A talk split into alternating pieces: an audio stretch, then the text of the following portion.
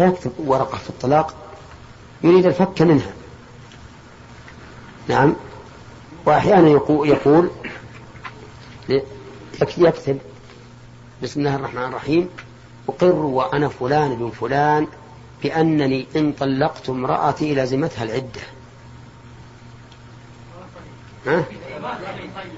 ويختمها.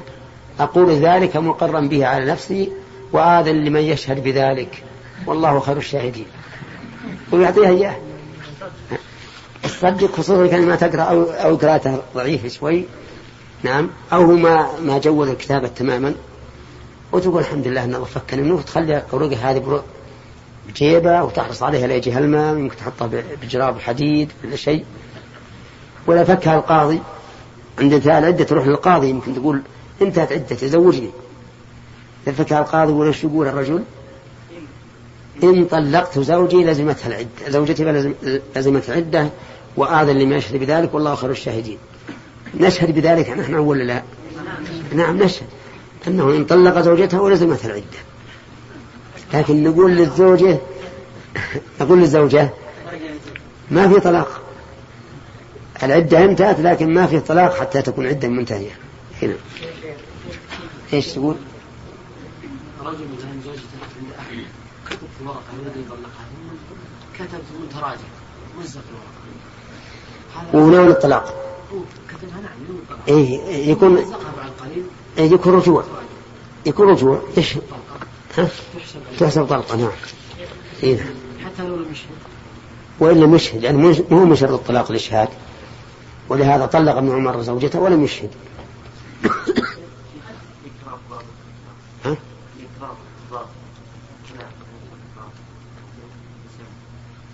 الإكراه له ضابط أكره على الطلاق. لا لا أبدا مو إكراه. يعني مثلا لو لزم عليه أبوه أو صديقه أو أخوه في أن يطلق زوجته ليس بإكراه. لكن الإكراه يكون إما بالجسم أو بالمال أو بالأهل أو بالعرض أو بالحسب. فإذا هدده بأن يهدم شيئا من هذه الأشياء وهو قادر على التنفيذ فهذا إكراه. لو قال مثلا إما أن تطلق أو أقتلك أو أضربك أو أكسر يدك أو رجلك أو أحبسك هذا إكراه. أو أخذ مالك أو إنكر مالك اللي عندي لك.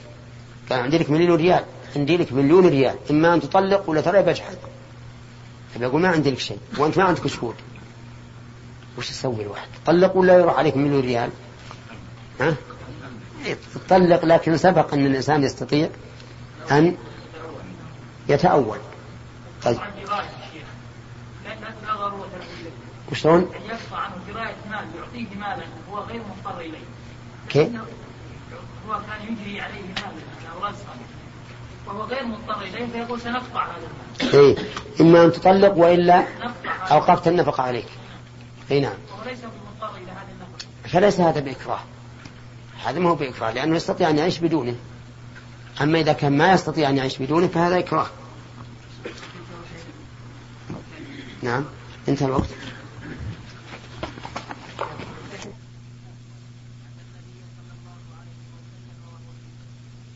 فقال إنه قد زنى فأعرض عنه فتنحى لشقه الذي أعرض فشهد على نفسه أربع شهادات فدعاه فقال هل بك جنون؟ هل أحصنت؟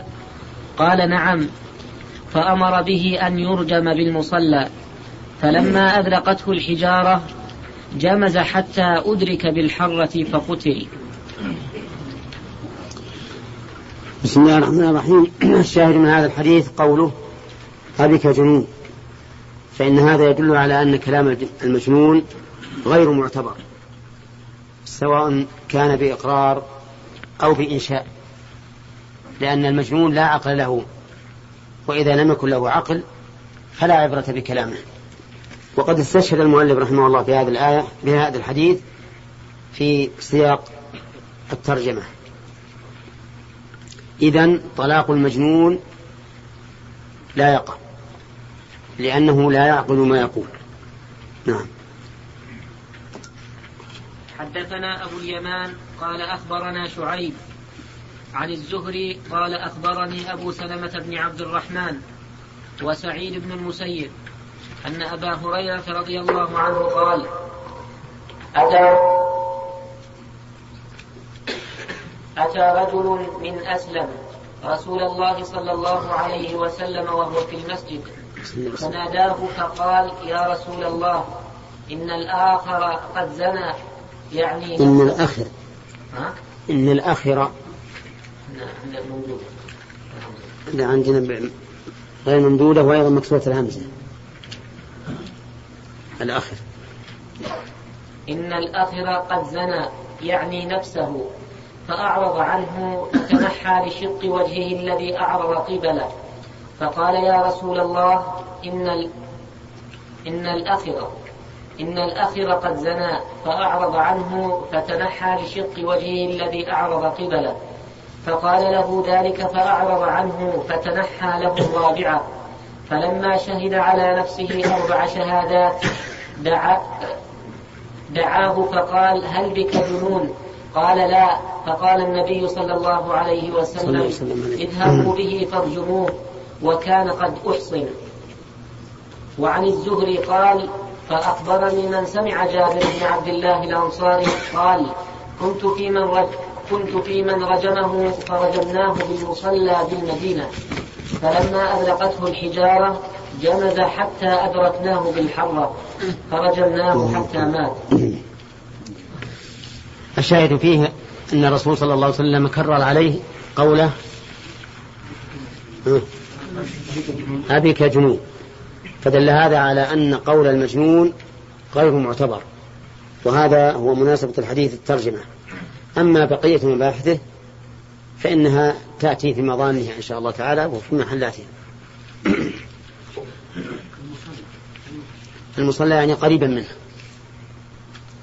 والمراد به إما مصلى العيد وإما مصلى الجنائز والظاهر أنه مصلى العيد لأنه أبرح وأبين. نعم.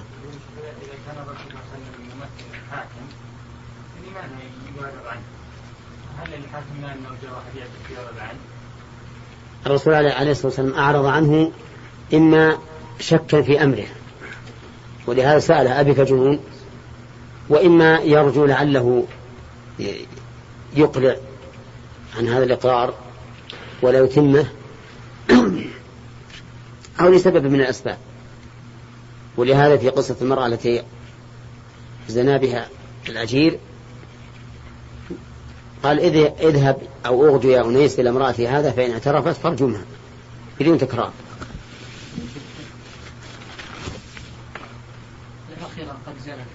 الآخر يعني صفة ذم الآخر على وزن فعل فهي صفة ذم. صفة ذم يعني مثل ما نقول الرجل السيء أو السافل أو ما أشبه ذلك. صفة ذم. نعم. عندنا ثلاثة أسئلة فقط. نعم. باب الخلق وكيف الطلاق فيه. وقول الله تعالى لا يحل لكم أن تأخذوا ولا. موجودة عندنا. وهي في القرآن كذلك. يحط الحق.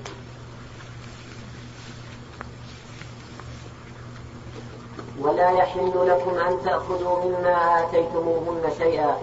إلى قوله الظالمون. وأجاز عمر الخلع دون السلطان. وأجاز عثمان الخلع دون دون عقاص رأسها. وقال طاووس إلا أن يخافا ألا يقيما حدود الله فيما افترض لكل واحد منهما على صاحبه في العشرة والصحبة ولم يقل قول السفهاء لا يحل حتى حتى تقول لا أغ لا أغتسل لك من جنابة. وهذا الخلع هو فراق المرأة بعوض سواء كان هذا العوض عينا أو منفعة هذا هو الخلع يبذله تبذله المرأة أو يبذله أحد من أوليائها أو من أصدقائها أو من غيرهم المهم أن الخلع فراق الزوجة بعوض سواء كان عينا أم منفعة وسواء كان البادل له المرأة أو وليها أو أحد سواه هذا هو الخلع وهو عبارة عن شراء المرأة نفسها من زوجها. تتعب معه ولا تستطيع أن تقوم بواجب العشرة فتعطيه مالا عينا أو منفعة على أن يفارقها. هذا هو الخلع اتضحت الصورة الآن؟ نعم. واضح يا نعم. طيب. هل الخلع هل الخلع طلاق؟ يحسب من الطلاق ويتمم به العدد أو هو في أو هو فداء وفسخ. لا يحسب من الطلاق ولا يتم به العدد. في هذا خلاف بين العلماء. فمنهم من قال إنه ليس بطلاق بكل حال. ومنهم من قال إنه طلاق بكل حال. ومنهم من فصل. فقال إن وقع بلفظ الطلاق فهو طلاق وإن لم يقع بلفظ الطلاق فهو فسخ وفداء. لا يحسب من الطلاق ولا يتمم به العدد. مثال ذلك رجل كان قد طلق زوجته مرتين. ثم رجعها. ثم ساءت العشرة بينهما فخالعت فخالعها. فهل تحل له بعد هذا الخلع؟ نعم. ينبني على الخلاف.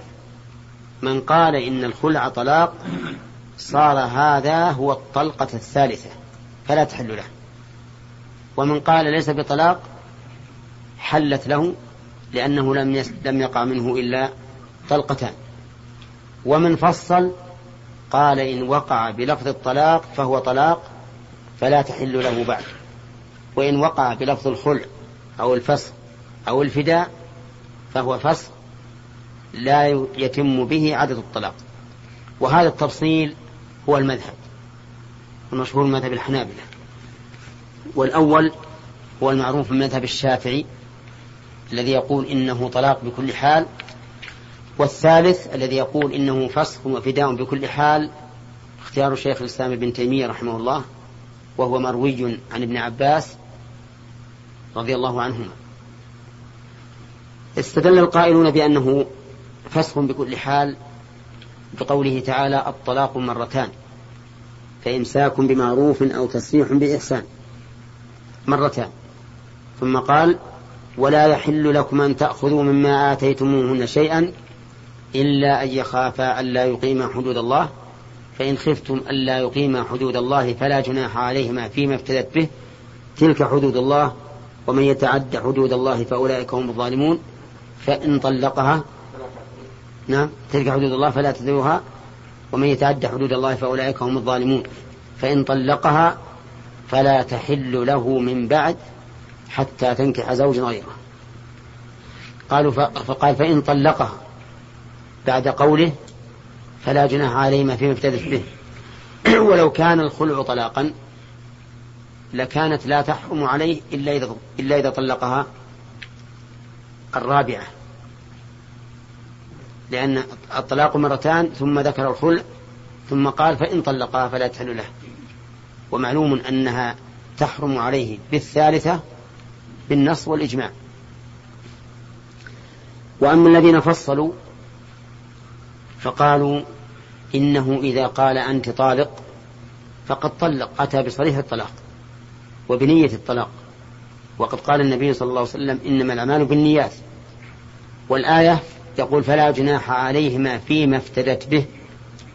فهي تنوي الفداء والزوج ينوي الطلاق ولكل امرئ ما نوى. وسيأتي إن شاء الله في, في, الحديث حديث ثابت بن قيس ما يتبين به أي القولين أصوب. قول ولا يحل لكم أن تأخذوا مما آتيتموهن شيئا إلا أن يخافا ألا يقيما حدود الله. ظاهره أن الخلع لا يجوز إلا إذا خيف ألا يقيم حدود الله, حدود الله كل من الزوج والزوجة. إلا أن يخافا ألا يقيم حدود الله. ولكن السنة تدل على أنه إذا كان الخوف من أحدهما جاز الخلع. ولا سيما إذا كان الخوف من الزوجة. فإن خفتم أن لا يقيم حدود الله فلا جناح عليهما فيما ابتدت به. إن خفتم أن لا يقيمه من هنا من قوله إن خفتم استدل بعض العلماء على أن الخلع لا يصح إلا بأمر السلطان. لأنه قال إلا أن يخاف أن لا يقيم ثم قال فإن خفتم أن لا يقيم. فدل هذا على أن الأمر راجع إلى السلطان لكن الصحيح خلاف ذلك وأنه لا يحتاج إلى مراجعة السلطان. إلا إذا احتيج إلى هذا في المحاكمة بأن أبى الزوج أن يفسخ النكاح وهي رافعت كما فعلت كما فعلت امرأته ثابت بن قيس. وقوله سبحانه وتعالى فيما افتدت به ما اسم موصول.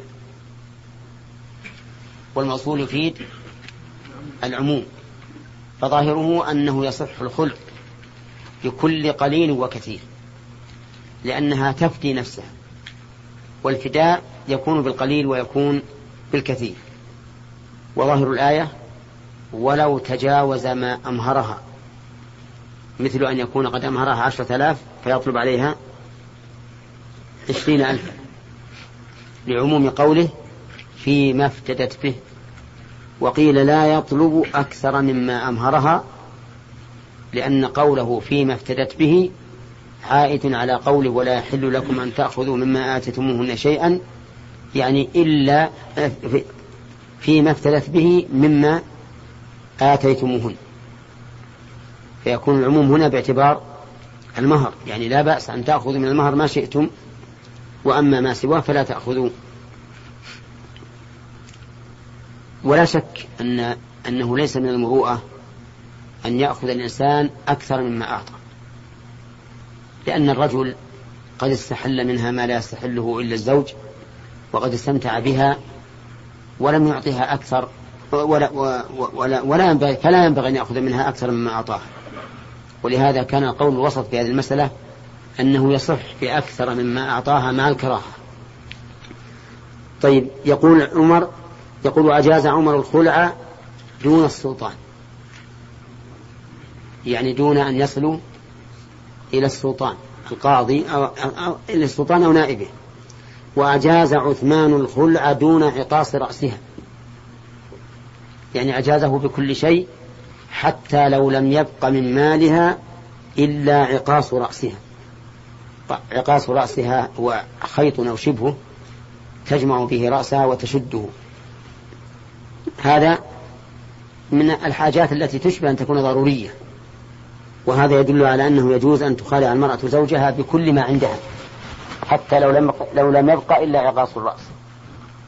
وقال طاووس في قوله لا يخاف ألا يقيم حدود الله يقول لا يقيم حدود الله فيما افترض فيما افترض لكل واحد منهما على صاحبه في العشرة والصحبة. يعني المرأة مثلا عرفت أنها إذا بقيت مع هذا الزوج لا تستطيع أن تقوم بالواجب له. فرأت أن تفتدي نفسها. أو رأت أن هذا الزوج سيء العشرة لا يمكن أن تبقى معه لأنه يتعبها. فافتدت نفسها منه بشيء من مالها. قال ولم يقل قوم السفهاء لا يحل يعني لا يحل الخلع حتى تقول لا أغتسل لك من جنابة. يعني بعض العلماء يشدد يقول إنه لا, يحل الخلع حتى تمتنع منه امتناعا كاملا. فتقول لا أغتسل لك من جنابة. يعني لا أمكنك من نفسي حتى أغتسل من الجنابة. على كل حال خلاصة هذا أن نقول الخلع جائز لكن بشرط أن يكون له سبب. فإن لم يكن له سبب فقد قال النبي صلى الله عليه وسلم أي امرأة سألت زوجها الطلاق من غير ما بأس فحرام عليها رائحة الجنة. نعم.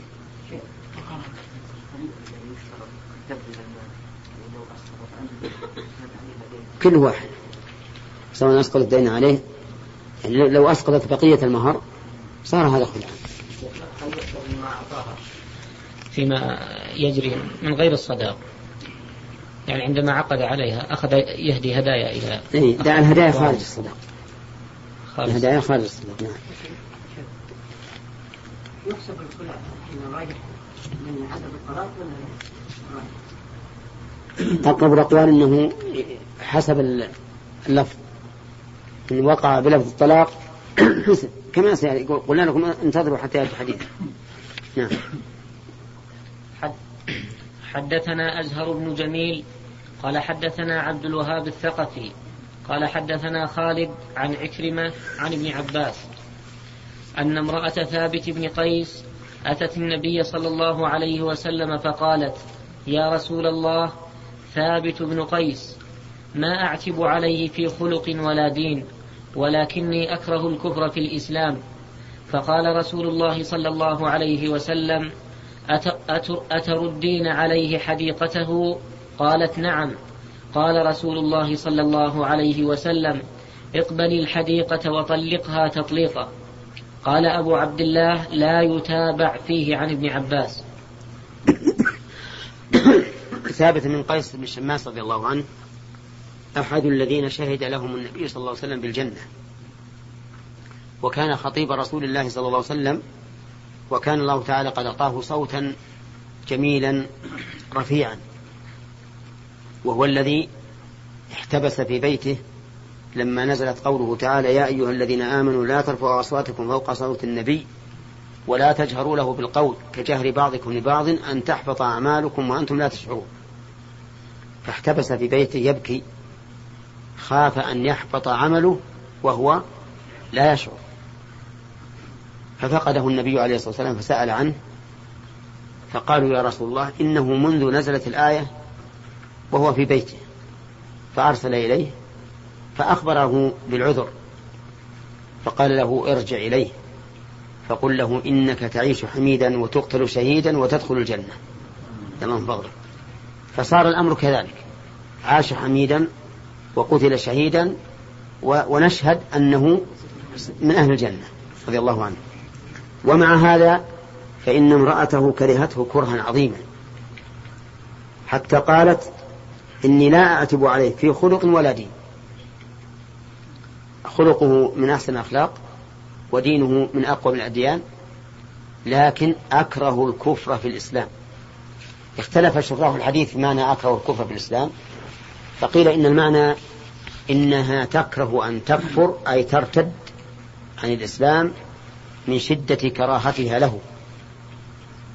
تريد أن تتخلص منه حتى بالكفر وهي إذا ارتدت انفسخ نكاحها. وقال بعضهم بل إنها تريد الكفر في الإسلام يعني عدم القيام بواجبه وهو كفران العشير. وهذا هو الأصح وهو المتعين ويدل له السياق. لا لأنها قالت أكره الكفر في الإسلام. والردة ما فيها كفر في الإسلام بل هي كفر من إسلام. يعني بدلا عن الإسلام فهي تكره كفرا وهي مسلمة. وهذا ينطبق تماما على عدم القيام بحق الزوج. يعني تقول إني ما أعتب عليه لكن أخشى إن بقيت عن عنده أن آثم لكوني لا أستطيع أن أقوم بواجب حق الزوجية. فقال أتردين حديقته؟ قالت نعم. وهذا يدل على أنه يجوز الخلع من ولو كان من جانب واحد. يعني لو كان خوف عدم القيام بحدود الله من جانب واحد.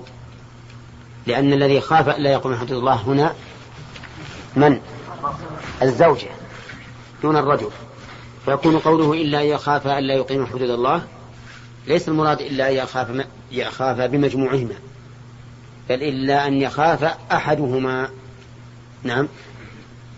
وفي دليل على جواز رد المهر كله لقوله أتردين عليه حديقته والظاهر أنه أصدقها الحديقة.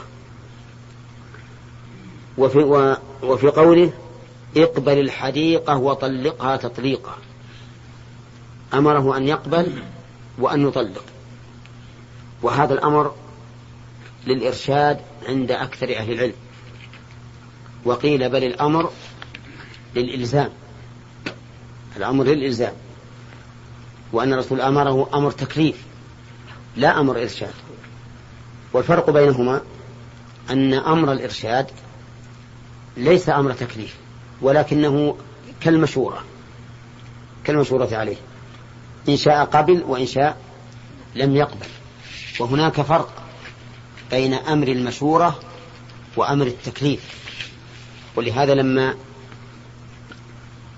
قالت بريرة أمرها النبي عليه الصلاة والسلام أن تبقى مع زوجها مغيث قالت يا رسول الله أنت تأمرني بذلك فسمعا وطاعة وإن كنت تشير علي فلا رغبة لي فيه. فقال بل أشير عليك. قالت لا رغبة لي فيه. وهذا دليل على أن أمر الإرشاد غير أمر التكليف. فأكثر من العلماء قالوا إن الأمر هنا للإرشاد لأنه لا يلزم الزوج قبول الخلع فإن الخلع بيده.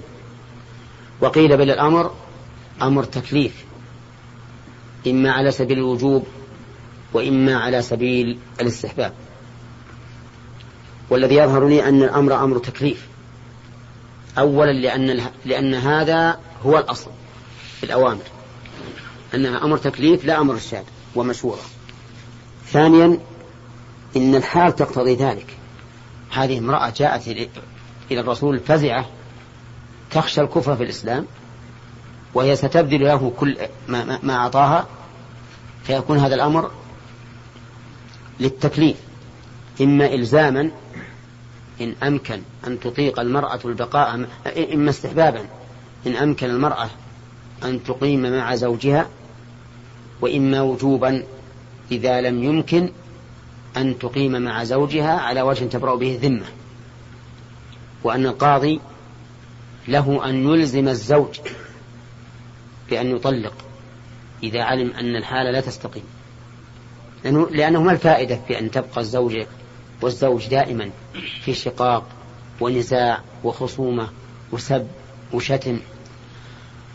هذا يضيع حقهما وحق, وحق الله عز وجل. حتى الإنسان إذا كان على هذه الحال عيشته فإنه لن يستطيع أن يؤدي العبادات على الوجه المطلوب.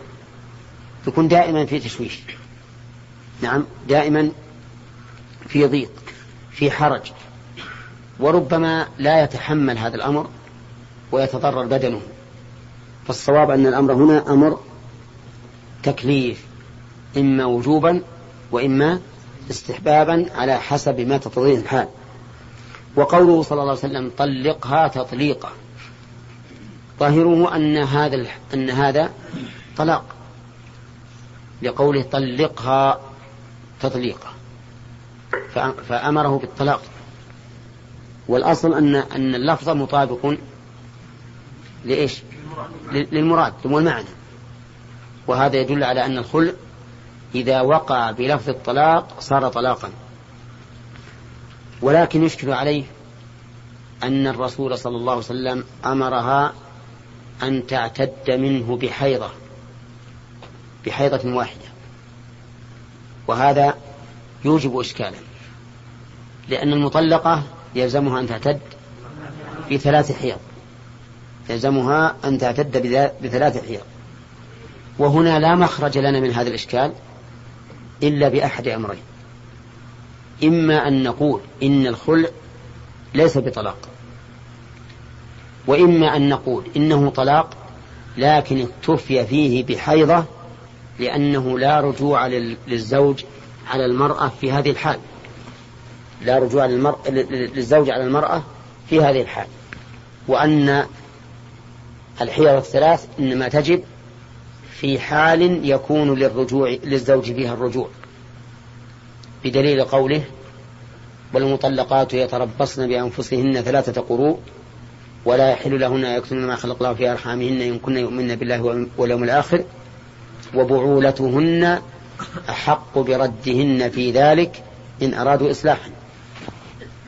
وفي هذه الحال في هذه الحال ليس للزوج حق الرجوع لأن الزوجة قد افتدت نفسها منه بما بذلته له من العوض.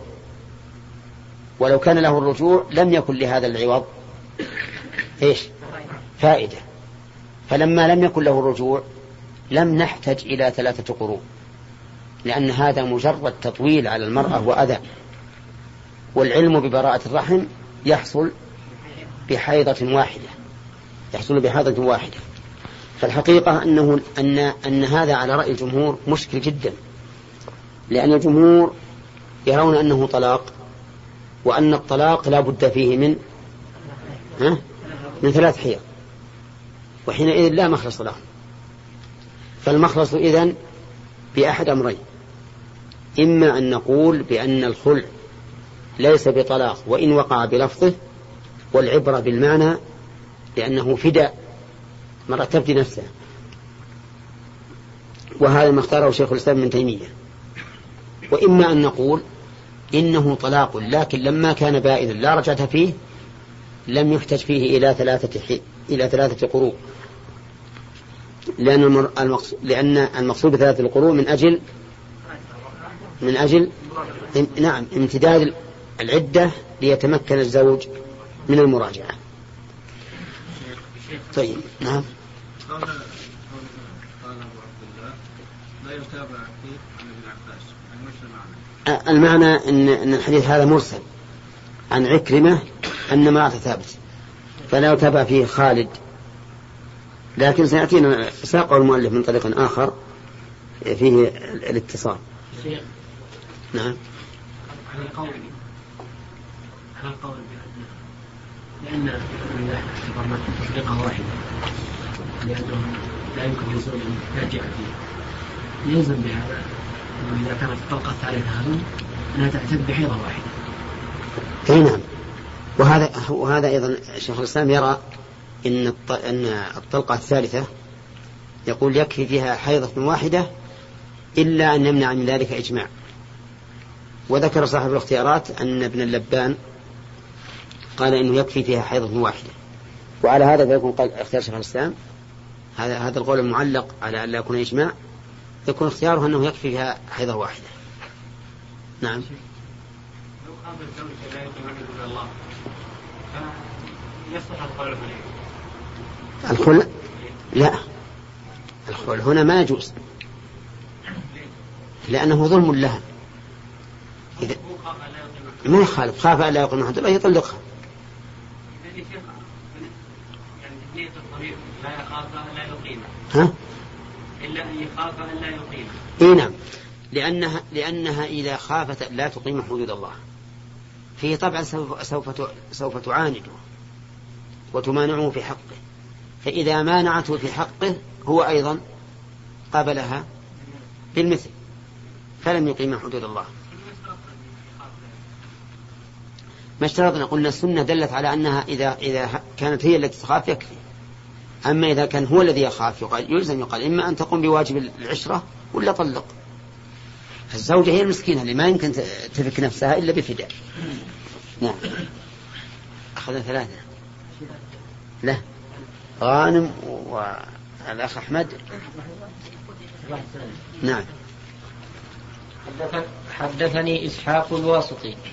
قال حدثنا خالد عن خالد الحذاء عن عكرمة أن أخت عبد الله شوف الآن جاء مرسلا. أن أخت عبد الله بن أب ابن أبي. فهمت غانم؟ إيه ما ذكر ابن عباس. نعم. أن أخت عبد الله أن أخت عبد عبد الله بن أبي بهذا. وقال تردين حديقته؟ قالت نعم. فرد فردتها وأمره يطلقها. وقال إبراهيم بن طهمان عن خالد عن عكرمة عن النبي صلى الله عليه وسلم وطلقها. وعن أيوب ابن أبي تميمة عن عكرمة عن ابن عباس أنه قال جاءت امرأة ثابت بن قيس إلى رسول الله صلى الله عليه وسلم فقالت يا رسول الله إني لا لا أعتب على ثابت بن على ثابت في دين ولا خلق ولكني لا أطيقه. فقال رسول الله صلى الله عليه وسلم فتردين عليه حديقته؟ قالت نعم. حدثنا محمد بن عبد الله ابن المبارك المخرمي. قال حدثنا قراد. قراد. قال حدثنا قراد أبو, أبو, نو أبو نوح. قال حدثنا جرير ابن, ابن حازم. عن أيوب عن عكرمة عن ابن عباس رضي الله عنهما قال جاءت امرأة ثابت بن قيس ابن شماس إلى النبي صلى الله عليه وسلم فقالت يا رسول الله ما, أنق ما أنقم على ثابت في دين ولا خلق إلا, إلا أني أخاف الكفر. فقال رسول الله صلى الله عليه وسلم فتردين عليه, فتردين عليه حديقته؟ قالت نعم. فقالت نعم. فرد فردت عليه وأمره ففارقها. حدثنا سليمان قال حدثنا حماد عن أيوب عن عكرمة أن جميلة فذكر الحديث. طيب. نعم. كيف؟ الأول؟ يمكن النسخة الثانية وعن أيوب بن أبي تميمة. أي هو اسمه هو اسمه. اسمه أيوب بن أبي تميمة. نعم. شيخ امرأة الفاعة مشبيهة رواية حديث ثابت بن قيس. لا لا. يعني إيش به هذاك طلقها ثلاثا وتزوجت إنسان آخر لكنه ما هو ما هو بنشيط في الجماع. نعم الان بالنسبة يعني قد يكون واجبا على الزوج اذا كانت المراه لا تستطيع القيام بالنسبة؟ للزوج. للزوج؟ كيف؟ أقول يعني هل يلزم الزوج إذا كانت المراه لا تستطيع. إذا كان هنا إذا كان لا يمكن البقاء بينهما؟ يعني يكون هذا ظلم على الزوج خاصة إذا كان الزوج يعني رجلا فقيرا لا يستطيع أن يستقبل يعني غيره. الحمد لله. يقول عطون مثلا سمي بيتزوج به إذا هو متزوجها بعشرة ريالات. والآن ما يلقى إلا مئة. ألف يقول يقول ما أطلق إلا مئة. ألف هنا هي مو المشكلة مسألة المشكلة أيضا إن, إن الإنسان قد لا يرغب. قد لا يرغب الإنسان. ما هو مسألة زيادة المهر. وأن الإنسان قد يكون له منها أزواج لكن أولاد. لكن أيضا مشكلة إذا كانت هذه المرأة الآن يعني تقول إما أن أفارقه وإما أن أحرق نفسي. يعني بعض يعني بعض بعض النساء تصبر الحال إلى هذا الشيء. نعم. مشكلة هذه. ولهذا نقول يلزم إذا كان لا يمكن إصلاح الحال. أما إذا كان يمكن ولو ببذل دراهم أو شيء من هذا فتصلح الحال. نعم عيد. إذا كان الزوج يخاف لا يقيم حدود الله آه، إذا قلنا له طلق يكون على المرأة يمكن ضرر أكثر من الخلق فإذا طلق تعتد بثلاث أيام. وإذا خلع تعتد بحيض واحد طيب. لأنه إذا طلق فله المراجعة ما دامت في العدة سواء طلق لأنه مثلا يريد امرأة أخرى أو طلق لأنه ما يستطيع البقاء مع هذه المرأة. فله الرجوع. أما إذا كانت هي التي افتدت نفسها فلا رجوع له. نعم؟ ما ترجع هي هي خلعت لا ما ترجع إلا إلا إلا بعقد جديد طيب في أيضا فائدة وهي أن الخلع يجوز ولو كانت المرأة حائضا. يجوز ولو كانت المرأة حائضا. لأن هذا من باب الفداء. ولأن الرسول صلى الله عليه وسلم لم يسأل ثابت بن قيس هل هي حائض أو ليست بحائض؟ ولأنه إنما منع من الطلاق بالحيض لئلا تطول العدة على المرأة فهو من أجل مراعاة حق المرأة. فإذا كانت هي التي طلبت ذلك فلا مانع. ولأن الحال قد تقتضي عدم التأخير في مسألة الخلع. فلا ننتظر حتى تحيض حتى تطل من حيضتها. نعم. ها؟ آه، تبين الآن أنه إذا إذا جاء بلفظ الطلاق فهو طلاق. هنا خلينا خمسة أسئلة أو ستة نعم. باب الشقاق وهل يشير بالخلع عند الضرورة؟ وقول الله تعالى وإن خفتم شقاق بينهما فابعثوا حكما من أهله إلى قوله خبيرا حدثنا أبو الوليد قال حدثنا الليث عن, عن ابن أبي مليكة عن المسور ابن مخرمة الزهري قال سمعت النبي صلى الله عليه وسلم يقول إن بني الم... إن بني المغيرة استأذنوا استأذنوا في استأذنوا في أن في أن ينكح علي ابنتهم فلا آذن. هذا الحديث تقدم أن الرسول عليه الصلاة والسلام خطب الناس وقال إنهم استأذنوا فلا آذن ثم لا آذن ثم لا آذن. ثلاث مرات. أما الآية الكريمة التي صدر بها المؤلف الباب باب الشقاق. الشقاق بين من؟ بين الزوجين. شقاق بين الزوجين. يكون الشقاق من إساءة العشرة بينهما. فماذا نصنع؟ نصنع نبعث حكما من أهله وحكما من أهلها. رجلين يحكمان في الأمر أحدهما من أهل الزوجة والثاني من أهل الزوج. واختير ذلك لأن أهلهما أعرف الناس بحاليهما. ولهذا قال فبعثوا حكما من أهله وحكما من أهلها. يدرسان الوضع وينظران في الأمر من المخطي ومن الذي يتحمل أن يكون عليه مال ممن لا يتحمل.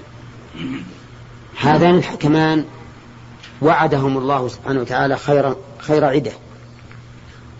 فقال إن يريدا إصلاحا يوفق الله بينهما. إن الله كان عليما خبيرا. إن يريد إصلاحا يوفق الله بينهما. أما إن, يريد أما إن أراد انتقاما وانتصارا لأنفسهما فإنهم فإن الغالب أن لا يوفقا. يريد إصلاحا بين من؟ بين الزوجين. جلس ونظر في القضية وكل واحد منهما لم يتعصب لقريبه. فأهل الزوج لم يتعصبوا للزوج وأهل الزوجة لم يتعصبوا للزوجة بل نظروا بالعدل والإنصاف وأرادوا الإصلاح.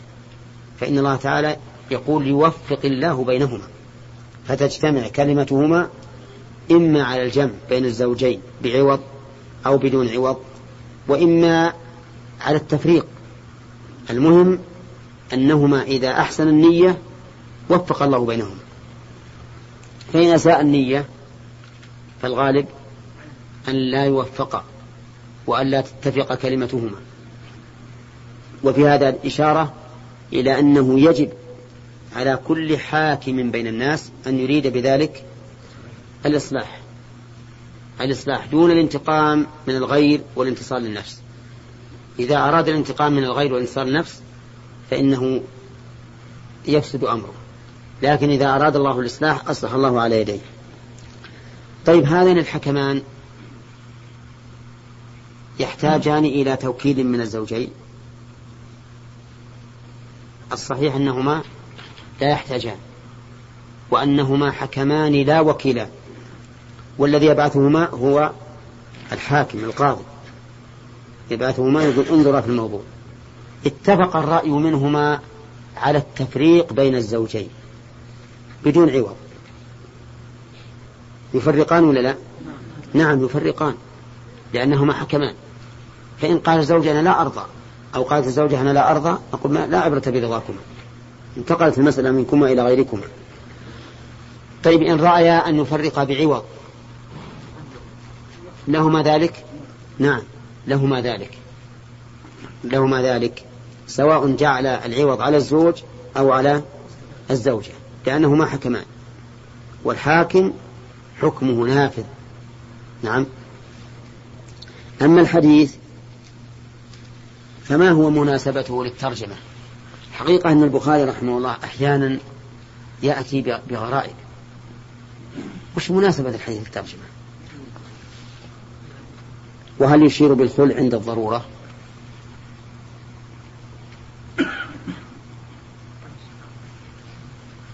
مناسبته أن الرسول صلى الله عليه وسلم منع من أن يتزوج علي بن أبي طالب على ابنته خوفا من الشقاق لأن المعروف أن المرأة ذات غيرة على الزوج كما كما وقع ذلك في أفضل النساء أمهات المؤمنين. رضي الله عنهن وقع لهن من الغيرة ما مر علينا منه كثير. فلما كان الرسول فلما كان علي بن أبي طالب لو تزوج حصل بينه وبين من؟ وبين فاطمة. ما يحصل من الضرة للضرة.